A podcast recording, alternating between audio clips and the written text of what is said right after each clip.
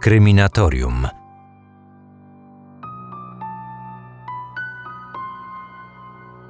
Dziś pomówimy sobie o porwaniu dziecka, czyli temat niezwykle trudny. To szczególny przypadek, bo spokojnie możemy uznać, że to jedna z najgłośniejszych spraw z tej kategorii w historii. Prawie 100 lat temu, w 1932 roku, zniknął dwuletni Charles Jr. Może i całe zdarzenie nie zdobyłoby tak wielkiego rozgłosu, gdyby nie fakt, że ojcem dziecka był hmm, bohater Ameryki, mężczyzna niezwykle znany i ceniony. Sprawa porwania oraz zabójstwa najbardziej znanego dziecka Ameryki odbiła się szerokim echem na całym niemal świecie i przeszła do historii kryminalistyki ze względu na olbrzymie zainteresowanie opinii publicznej, która głośno domagała się znalezienia winnych i surowego ich ukarania. Mówi do Was Marcin Myszka, a to Kryminatorium, gdzie opowiadam o najgłośniejszych śledztwach i pobudzam, mam nadzieję, Waszą ciekawość i wyobraźnię.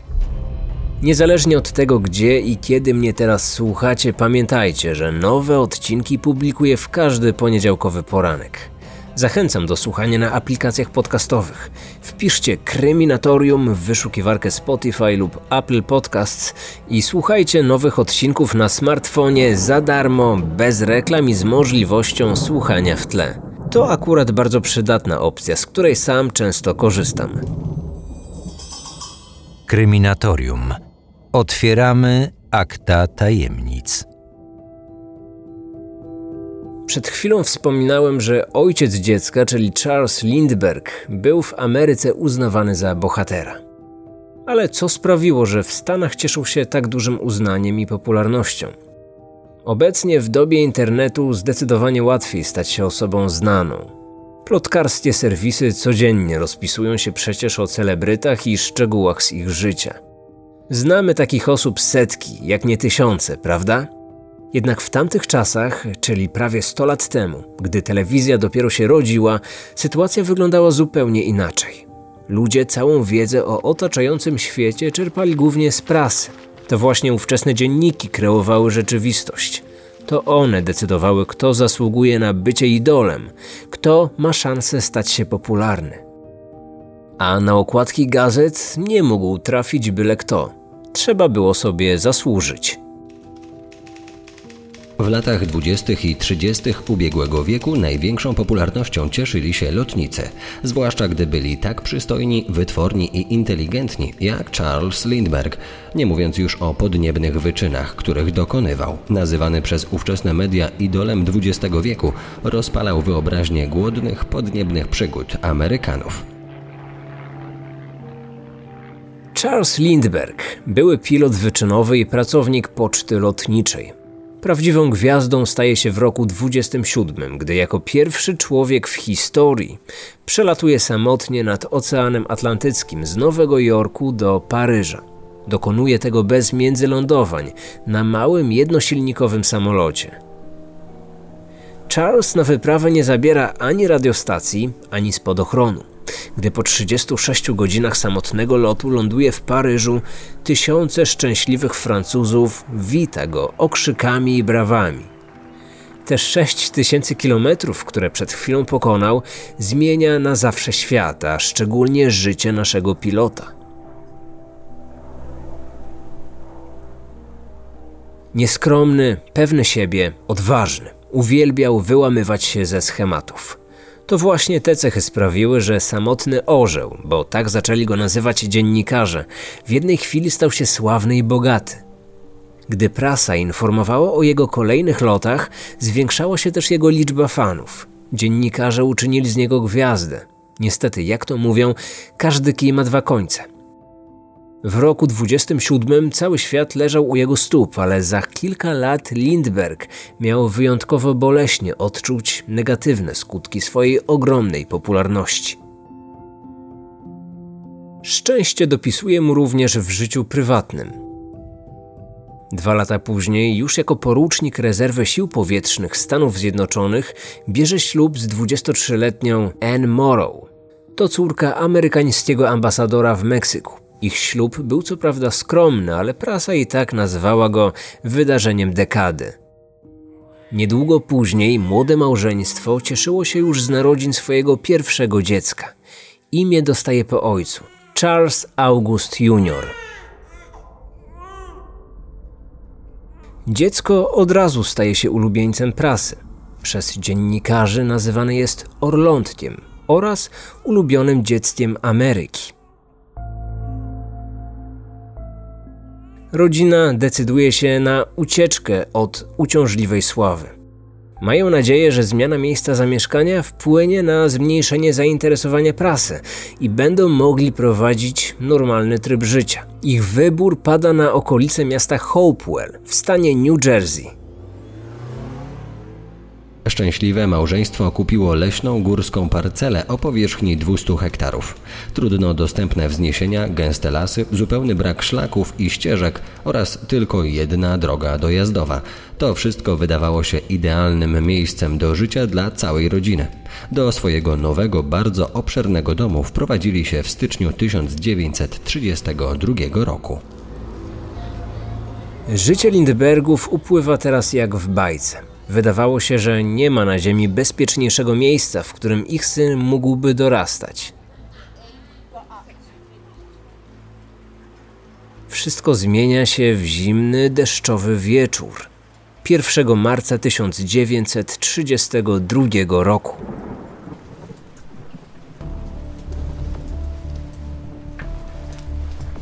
Jest godzina 21. Charles Lindbergh pracuje w swoim gabinecie, tuż pod pokojem, w którym śpi jego syn.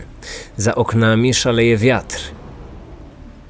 Z dworu co jakiś czas dobiegają do niego groźne odgłosy, ale nie niepokoi go to zbytnio, nawet wtedy, gdy pół godziny później podobny hałas dobiega z pokoju młodego Charliego. To tylko stukające z za szyby gałęzie drzew. To normalne zjawisko przy tak silnej wichurze. Jednak Betty, czyli niania 20-miesięcznego Orlątka, nie jest już tak spokojna jak jego ojciec. Około 22 zagląda do pokoju chłopca. Chwilę później jej głośne pukanie do drzwi gabinetu przerywa Lindbergowi pracę. Tak? Proszę wejść. Drzwi są otwarte. Wejdź, proszę. Stało się coś? Pewnie Charlie znowu nie chce zasnąć. Ma to po mnie. Ja też nie potrzebuję zbyt wiele snu. Przepraszam, że przeszkadzam, ale zauważyłam, że chłopca nie ma w swoim pokoju. Dlatego przyszłam, żeby go zabrać i położyć do łóżeczka. Jest późno i Charlie powinien już spać. Ale tutaj go nie ma. Nie martw się, na pewno jest teraz z moją żoną. Pańska żona właśnie bierze kąpiel. Powiedziała, że jeśli chłopca nie ma w łóżeczku, to na pewno jest z panem. Zaniepokojony słowami niani Charles postanawia osobiście sprawdzić pokój syna. Na miejscu widzi jedynie puste łóżeczko. Przeszukuje cały dom, ale po dziecku nie ma żadnego śladu. Wraca więc do jego pokoju i wtedy dostrzega, że okno jest uchylone, a na podłodze są ślady zabłoconych butów. Wybiega po strzelbę, a wracając krzyczy do wychodzącej z łazienki żony. Anno, oni porwali naszego syna! Gdy kolejny raz wraca do dziecięcego pokoju, kątem oka zauważa na parapecie okna kopertę. Wie już, że najprawdopodobniej to jest list od porywaczy. Nie otwiera go jednak. Czeka na przyjazd policji. Funkcjonariusze przyjeżdżają do domu około 22.30. Całej akcji dowodzi sam szeryf policji stanowej. W artykule na stronie TVN24 możemy przeczytać o pierwszych czynnościach, jakie zostały podjęte po ich przybyciu. Postawieni na nogi policjanci zablokowali wszystkie drogi w stanie New Jersey, legitymowali kierowców i sprawdzali samochody. Na takie działania było jednak za późno. Porywacz bądź porywacze byli już daleko od rezydencji.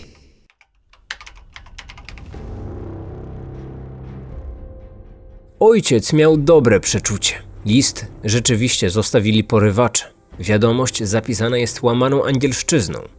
List zawiera niemieckie wstawki oraz liczne błędy ortograficzne. Porywacze żądają okupu w wysokości 50 tysięcy dolarów w niskich nominałach. Obecnie moglibyśmy porównać tę kwotę do 400 tysięcy dolarów. Oczywiście w liście nie brakuje także ostrzeżenia, aby o sprawie nie informować policji. Oto dokładna treść tej wiadomości. Uwzględniliśmy błędy z oryginalnej pisowni, oczywiście w miarę możliwości przekładając wszystko na nasz język. Drogi panie, ty mieć 50 tysięców w banknotach, dwudziestkach, dziesiątkach i piątkach. W ciągu dwóch, czterech dni poinformujemy cię, gdzie dać pieniądze.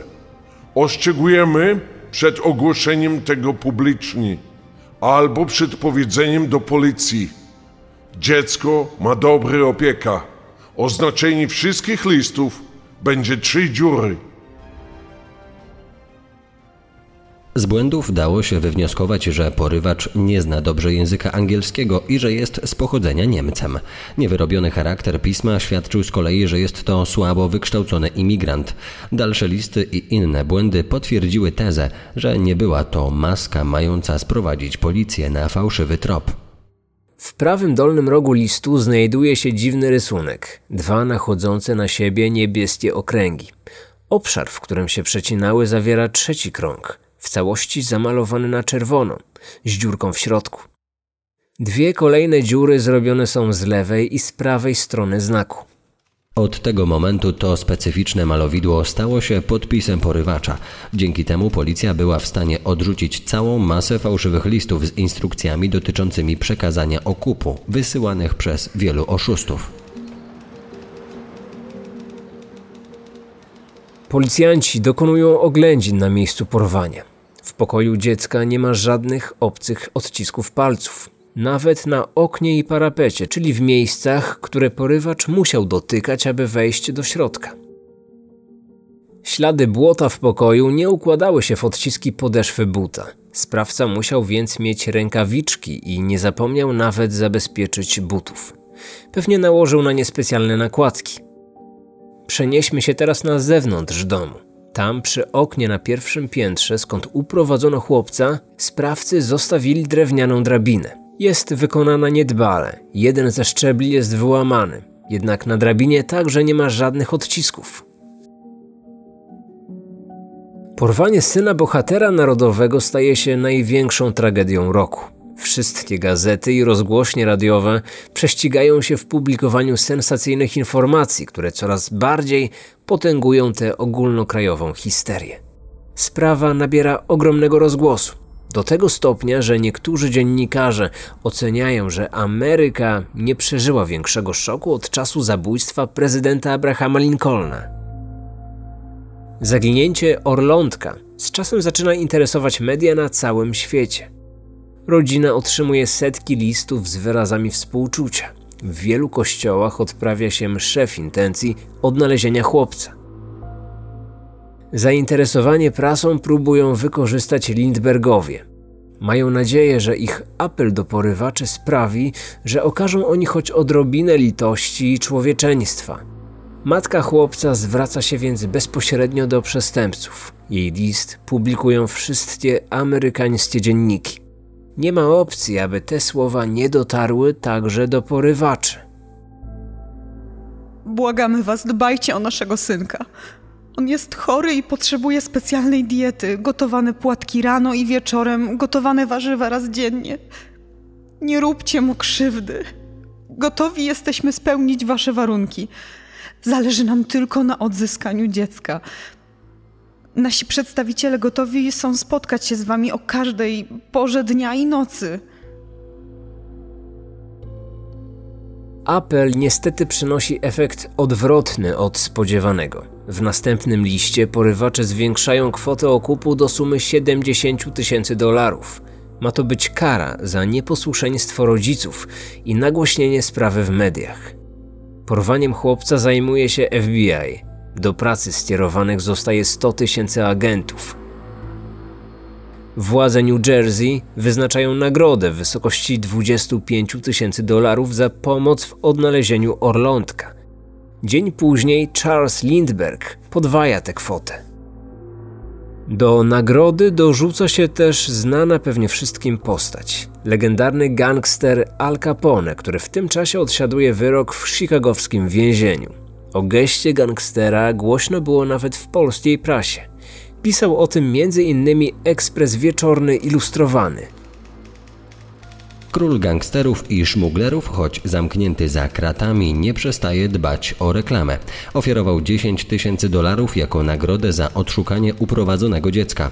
Groteska w pojęciu europejskim. Oto szef bandytów występuje przeciw innym bandytom i ofiaruje nagrodę za wykrycie sprawców porwania. W Ameryce jego gest wywołał jednak dobre wrażenie. Tymczasem porywacze zmieniają żądania. Podnoszą kwotę okupu do 100 tysięcy. Chcą także, aby wyznaczyć łącznika pomiędzy nimi a rodzicami dziecka. Do tego zadania zgłasza się emerytowany nauczyciel, 72-letni John, który kilka dni wcześniej z własnej kieszeni dołożył 1000 dolarów do ogłoszonej nagrody. Z porywaczami komunikuje się on za pośrednictwem dziennika New York American, w którym zamieszcza skierowane do sprawców ogłoszenia napisane pseudonimem Jeffsy. Ci odpowiadają w tej samej gazecie, ustalają miejsce pierwszego spotkania. To nowojorski cmentarz. Łącznik John pojawia się tam w nocy, 12 marca, 12 dni po porwaniu.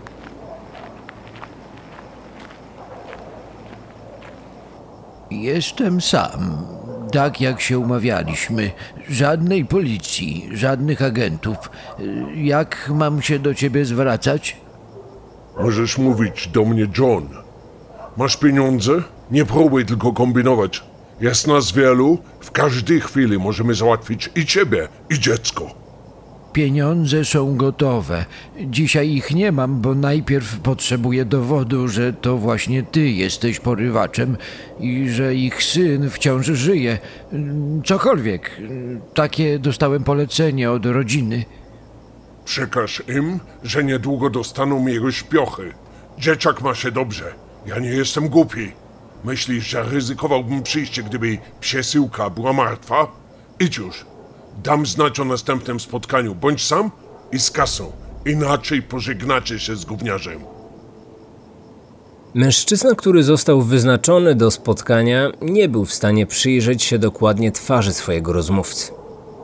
Porywacz ukrywał się w cieniu i nie był zbytnio widoczny, jednak wyraźnie słyszał za to jego głos. Brzmiał obco, jakby nie był stąd. Akcent dawał do zrozumienia, że cmentarny John, jak nazwali go później dziennikarze, pochodził z Niemiec, a może ze Skandynawii. Pasowało to do ustaleń śledczych, którzy po analizie listów doszli do tego samego wniosku. Cztery dni później do Lindbergów przychodzi obiecana paczka. Zawiera ubranie chłopca. Porywacze wyznaczają datę kolejnego spotkania – do przekazania okupu ma dojść po dwóch tygodniach. Jest późna noc 2 kwietnia 1932 roku. Mija miesiąc od dnia, w którym chłopiec został uprowadzony. Pod bramą nowojorskiej nekropolii zatrzymuje się samochód. Za kierownicą siedzi sam Charles Lindbergh, w ręku trzyma naładowany rewolwer. Nie wychodzi jednak z auta. Przez opuszczoną szybę obserwuje, jak jego wysłannik idzie wolno w stronę cmentarza. Niesie drewniane pudełko, w którym jest tylko połowa okupu. Na osobiste polecenie Lindberga zapakowano jedynie 50 tysięcy dolarów, czyli tyle, ile porywacze żądali w pierwszym liście. Łącznik rozgląda się ostrożnie. Odwraca się jeszcze w stronę kierowcy, bierze głęboki oddech i po chwili znika w ciemnościach.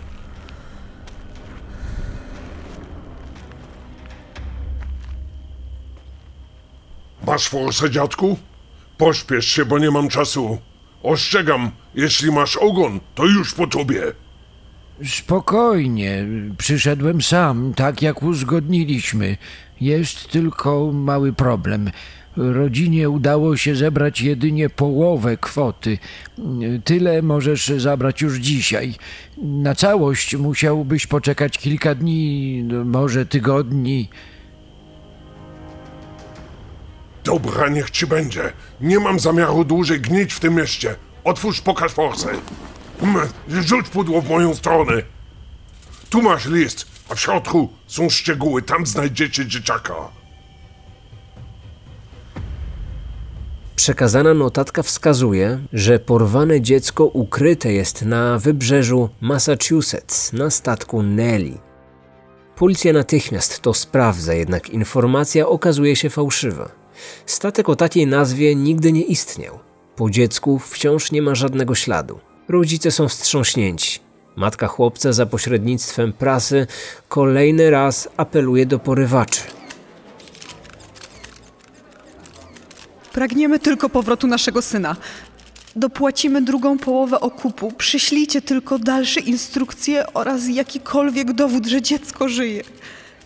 Jednocześnie pragniemy zapewnić, że nie zamierzamy obstawać przy ukaraniu was za czyn, którego się dopuściliście. Zrobimy co w naszej mocy, abyście mogli opuścić nasz kraj jako wolni ludzie. Porywacze milczeli, więcej już się nie odezwali. Zamiast nich ponownie dał o sobie znać król przestępczego półświadka. Al Capone zaoferował swoją pomoc. Miał tylko jeden warunek. Kto inny może złapać przestępcę, jeśli nie inny przestępca? Mam swoje kontakty i znam odpowiednich ludzi. Zapewniam, że znajdę porywaczy w ciągu tygodnia. Sam mam dzieci i doskonale rozumiem tragedię zrozpaczonych rodziców. W zamian oczekuję jedynie skrócenia wyroku. Tak powiedzmy, o połowę. No to chyba odpowiednia cena za znalezienie dziecka, którego szuka cała Ameryka. Opinia publiczna popiera ten apel. Jednak dla władz cena jest zbyt wysoka i z usług Ala nigdy nie skorzystano. Ale jest jeszcze nadzieja w zapłaconym okupie. Składały się na niego niezwykle rzadkie banknoty, których numery zostały wcześniej spisane. Co więcej, miały one wkrótce zostać wycofane z obiegu. Należało je wymienić w banku w ciągu roku. Policja liczyła na to, że porywacze zmuszeni wymienić większą ich ilość zwrócą na siebie uwagę. Informacje o poszukiwanych banknotach rozesłano także do sklepów i stacji benzynowych. Teraz wszystko zależało od czujności sprzedawców, którzy przyjmowali zapłatę. W międzyczasie pojawiło się mnóstwo doniesień o odnalezieniu orlątka żywego. Raz w Teksasie, innym razem w Kalifornii, później w kolejnych Stanach. FBI sprawdzało każdy sygnał. Wszystkie ślady prowadziły jednak donikąd. Mijały dni i tygodnie. Śledztwo nie przynosiło żadnych rezultatów. Porywacze już od dłuższego czasu nie kontaktowali się z Lindbergami. Cała Ameryka wstrzymała oddech. Ludzie zdawali sobie sprawę, że dziecko prawdopodobnie już nie żyje i cała historia zakończy się tragicznie. I taka informacja wkrótce została też potwierdzona. 12 maja kierowca pewnej ciężarówki przejeżdża blisko posiadłości Lindbergów. Zatrzymuje się za potrzebą. Wchodzi do lasu i tam zauważa zwłoki dziecka. Są częściowo zjedzone przez dzikie zwierzęta. Brakuje lewej nogi i obu rąk. Niewielkie ciałko leżało twarzą w dół, około 7 km od posesji. Niewiele więcej niż szkielet. Zarys ludzkiej formy w ciemności, w mrocznej stercie igliwia. Rozkład zwłok był tak daleko posunięty, że początkowo nie dało się nawet stwierdzić, czy to chłopiec, czy dziewczynka. Wezwany do kostnicy Charles Lindbergh rozpoznaje swojego syna po zniekształconych palcach prawej stopy i charakterystycznym dołku w podbródku. Gubernator stanu natychmiast oznajmia światu tragiczną wiadomość. Dziecko, którego szukał cały kraj, nie żyje. Sekcja zwłok wykazała, że Orlątko zmarło już w noc porwania. Śmierć była spowodowana uderzeniem w głowę, w wyniku czego doszło do złamania podstawy czaszki i krwotoku wewnętrznego. O tym donosiła także polska prasa. Oto fragment z dziennika łódzkiego. Po zbadaniu sukienki i koszulki, na której widniał monogram, stwierdzono bez żadnych wątpliwości, kim jest zamordowane dziecko. Co do rany na głowie, początkowo przypuszczano, że przestępcy strzelili do chłopca. Jednak z orzeczenia lekarzy wynika, że rana zadana była tępym narzędziem.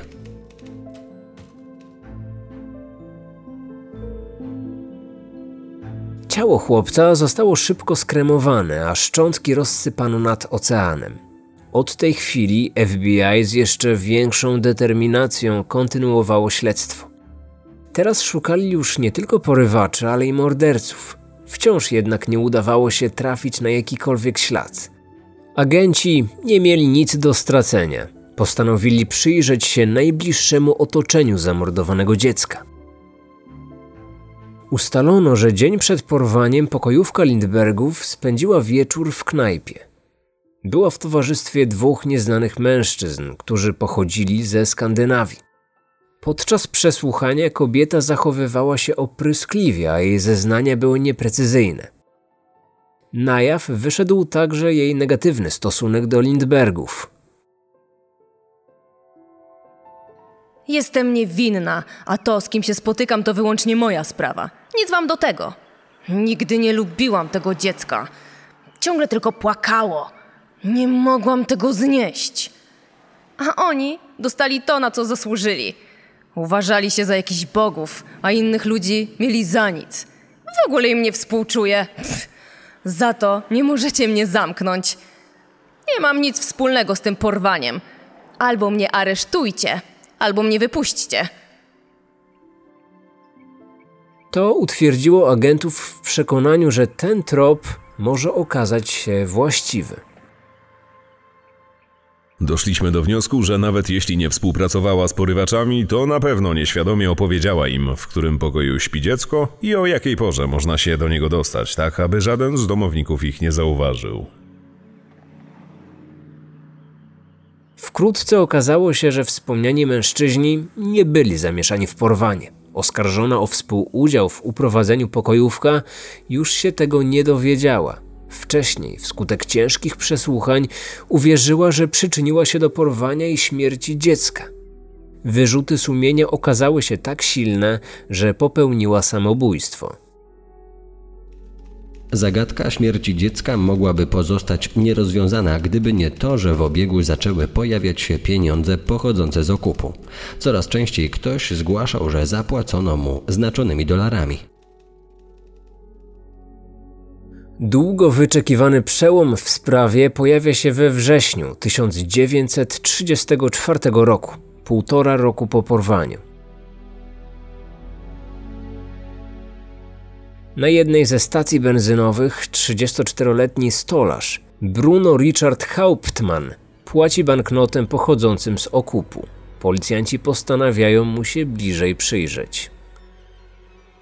Obserwowany mężczyzna, zanim przyjechał do Stanów Zjednoczonych, był w Niemczech karany za kradzieże i włamania. Niedługo później zostaje aresztowany. W momencie zatrzymania ma przy sobie znaczony banknot 20-dolarowy. W jego domu policja znajduje 15 tysięcy dolarów, które pochodziły w całości z okupu. Facet ma jednak mocne alibi na wieczór porwania, które potwierdza kilka osób.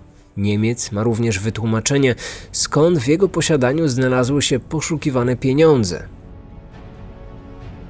To nie jest moja forsa, ja znalazłem ją w rzeczach mojego przyjaciela zaraz po tym, jak on wyjechał do Europy. Był mi winny 7 tysięcy, więc sam sobie odebrałem dług. Ja nie miałem pojęcia, że pieniądze są trefne. Wspomnianym przyjacielem był niemiecki Żyd o nazwisku Fisch, który kilka miesięcy wcześniej rzeczywiście wyjechał do Niemiec. Właściwie to uciekł, ponieważ nowojorska policja poszukiwała go za drobne kradzieże. Niedługo później zmarł on jednak na białaczkę, więc to tłumaczenie stolarza trudno było zweryfikować. Jednak o jego winie świadczyły także inne dowody. Jeden ze szczebli drabiny, który posłużył porywaczom, został wykonany z drewna pochodzącego ze stropu domu oskarżonego. Ślady narzędzi użytych do wykonania drabiny odpowiadały narzędziom znalezionym w jego warsztacie. Poza tym, grafolodzy potwierdzili, że pismo zatrzymanego zgadza się z charakterem pisma z listów od porywaczy. I na koniec w jednej z jego szafek odkryto wyryty numer telefonu należący do łącznika Johna, tego, który na cmentarzu spotykał się z porywaczem. Przyznajcie, to wiele jak na zbieg okoliczności. 13 lutego 1935 roku Bruno Hauptmann zostaje uznany winnym porwania i morderstwa chłopca. Miał działać sam i nie miał wspólników. Wyrok mógł być tylko jeden krzesło elektryczne.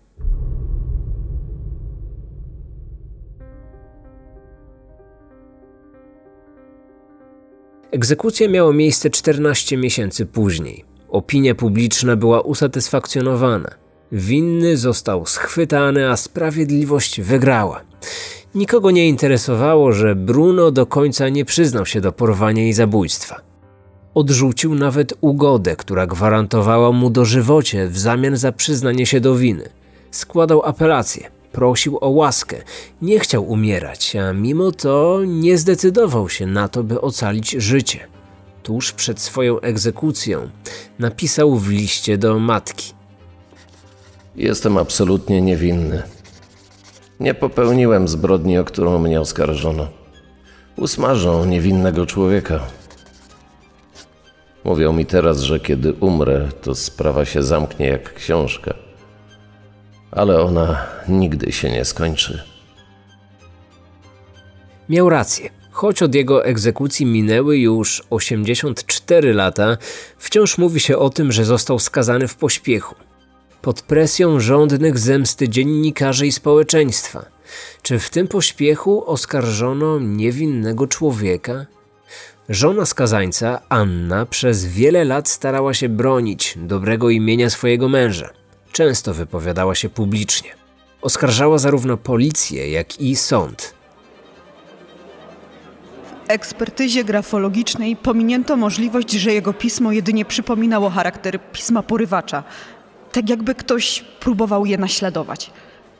Drabina zrobiona była z takiego samego gatunku drzewa jak strop jego domu co nie znaczy, że pochodziło właśnie z tego stropu. Zeznania świadków też nie były spójne. Człowiek, który wręczył okup porywaczowi, w sądzie rozpoznał jego twarz, choć wcześniej twierdził, że jej nie widział w ciemności. Co więcej, podczas śledztwa zeznał, że osoba z cmentarza miała zupełnie inny głos. Zagadkę stanowił również wyryty na meblu numer telefonu. Skąd go znał, jeśli emerytowany nauczyciel twierdził, że nie od niego? I po co był on niemieckiemu imigrantowi potrzebny, skoro cała korespondencja pomiędzy porywaczem a łącznikiem miała miejsce wyłącznie na łamach jednego z dzienników? Nikt nie przywiązywał jednak większej wagi do pytań kobiety. Była to przecież tylko wdowa po najbardziej znienawidzonym człowieku w Ameryce. Jedną z osób, które wciąż uważają, że Bruno Hauptmann stał się kozłem ofiarnym, jest amerykański historyk. Profesor Lloyd Gardner, który w swojej książce Sprawa, która nigdy nie umiera, o dokonanie tej zbrodni oskarżył zupełnie inną osobę. Ku zdumieniu wszystkich, winą obarczył samego Charlesa Lindberga, czyli ojca porwanego i zamordowanego chłopca. Od czasu procesu pojawiają się głosy, że stracono nie tego człowieka. Dla mnie i dla wielu badaczy to właśnie słynny lotnik jest w kręgu podejrzeń. Teoria ta opiera się głównie na jego zachowaniu po tym, jak dziecko zniknęło i na krótko przed tym, jak znaleziono ciało. Profesor powołuje się tu na słowa Lindberga do żony, w których stwierdził, że oni porwali naszego syna. Skąd wiedział, że sprawców było kilku? Poza tym, od samego początku ingerował w śledztwo i wykorzystywał swoje wpływy, by osobiście prowadzić negocjacje z porywaczami. Nie chciał, aby policjanci byli obecni przy przekazaniu pieniędzy. Kazał zmniejszyć okup o połowę. Dziwne, że nie bał się reakcji przestępców. Skąd wiedział, że oni zgodzą się na zmniejszoną sumę? Mogli przecież zareagować natychmiastowym zabiciem dziecka. Dobrze, ale jaki ojciec miałby mieć powód do porwania własnego syna? Zdaniem wspomnianego już profesora, odpowiedź jest prosta. W czasie, gdy doszło do porwania, coraz bardziej fascynowała go eugenika, pseudonauka stanowiąca uzasadnienie do eliminowania słabszych i gorszych jednostek. Stał się przez to zwolennikiem podobnych postulatów głoszonych przez nazistów. Czyżby ulubieniec Ameryki, który sam siebie uważał za człowieka idealnego, wstydził się własnego dziecka? Badania sugerują, że jego syn nie był tak idealny, jak przedstawiała go ówczesna prasa. Podczas sekcji zwłok stwierdzono u chłopca makrocefalię, czyli nienaturalnie powiększoną głowę, zbyt cienkie kości czaszki oraz wodogłowie. Brakowało też kilku narządów, które pierwotnie uznano za zjedzone przez dzikie zwierzęta. Jednak z drugiej strony makrocefalia może wpływać na inne narządy. Ktoś mógł kazać je wyciąć, aby ukryć prawdę o przypadłości dziecka. Brakowało tylko organów położonych najgłębiej. Trudno wyobrazić sobie, aby zwierzę ominęło serce, by wyciągnąć płuca. Czy to dlatego Charles Lindbergh kazał skremować zwłoki chłopca natychmiast po sekcji? Prawdziwego powodu tego pośpiechu możemy się tylko domyślać.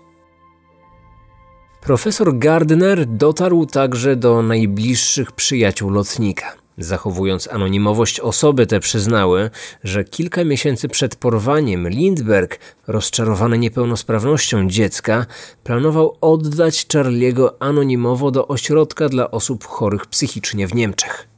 Miał tego dokonać w tajemnicy, aby świat się o tym nie dowiedział. Znacznie korzystniejsza dla niego miała być opinia idealnego ojca, któremu porwano syna, niż idealnego ojca, któremu urodził się niepełnosprawny syn. W tym celu upozorował porwanie. Opłacony Niemiec miał wywieźć dziecko do Europy, ale coś poszło nie tak. Szczebel drabiny się złamał, porywacz trzymający dwulatka na ręku spadł. Wskutek upadku Chłopiec zmarł. Ciało zostało porzucone w lesie, a wynajęty do tego zadania człowiek ulotnił się. Ojcu nie pozostało nic innego, jak kontynuować swoją mistyfikację. Czy tym opłaconym Niemcem mógł być przyjaciel skazanego, Fish, który później uciekł ze Stanów Zjednoczonych, zostawiając pieniądze z okupu? Fish dobrze znał stolarza Znał też jego charakter pisma, mógł je podrobić. Budując drabinę, która później posłużyła do porwania, mógł też użyć jego narzędzi. Zwolennicy tej zaskakującej teorii podkreślają zgodnie, że nie ma na to żadnych dowodów. Pozostają jedynie poszlaki mówiące, że taki scenariusz byłby możliwy. Zwracają też uwagę, że w wersji oficjalnej za dużo jest zbiegów okoliczności, a zwykły stolarz uchodzący raczej za osobę o niskiej inteligencji nie byłby zdolny do popełnienia takiej zbrodni. Żona Bruno Hauptmana przez kilkadziesiąt lat kontynuowała walkę o oczyszczenie dobrego imienia swojego męża. Zwróciła się nawet o pomoc do słynnego twórcy trupiej farmy, czyli Billa Bassa, amerykańskiego antropologa sądowego znanego z badań nad rozkładem ludzkich zwłok oraz z niezwykle popularnych w Polsce książek. Jednak nawet on, badając w roku 82 kilka zachowanych fragmentów kości dziecka, nie mógł pomóc tej kobiecie. Anna zmarła w roku 1994. Miała 95 lat. Do końca swoich dni twierdziła, że Bruno stał się ofiarą amerykańskiego mordu sądowego.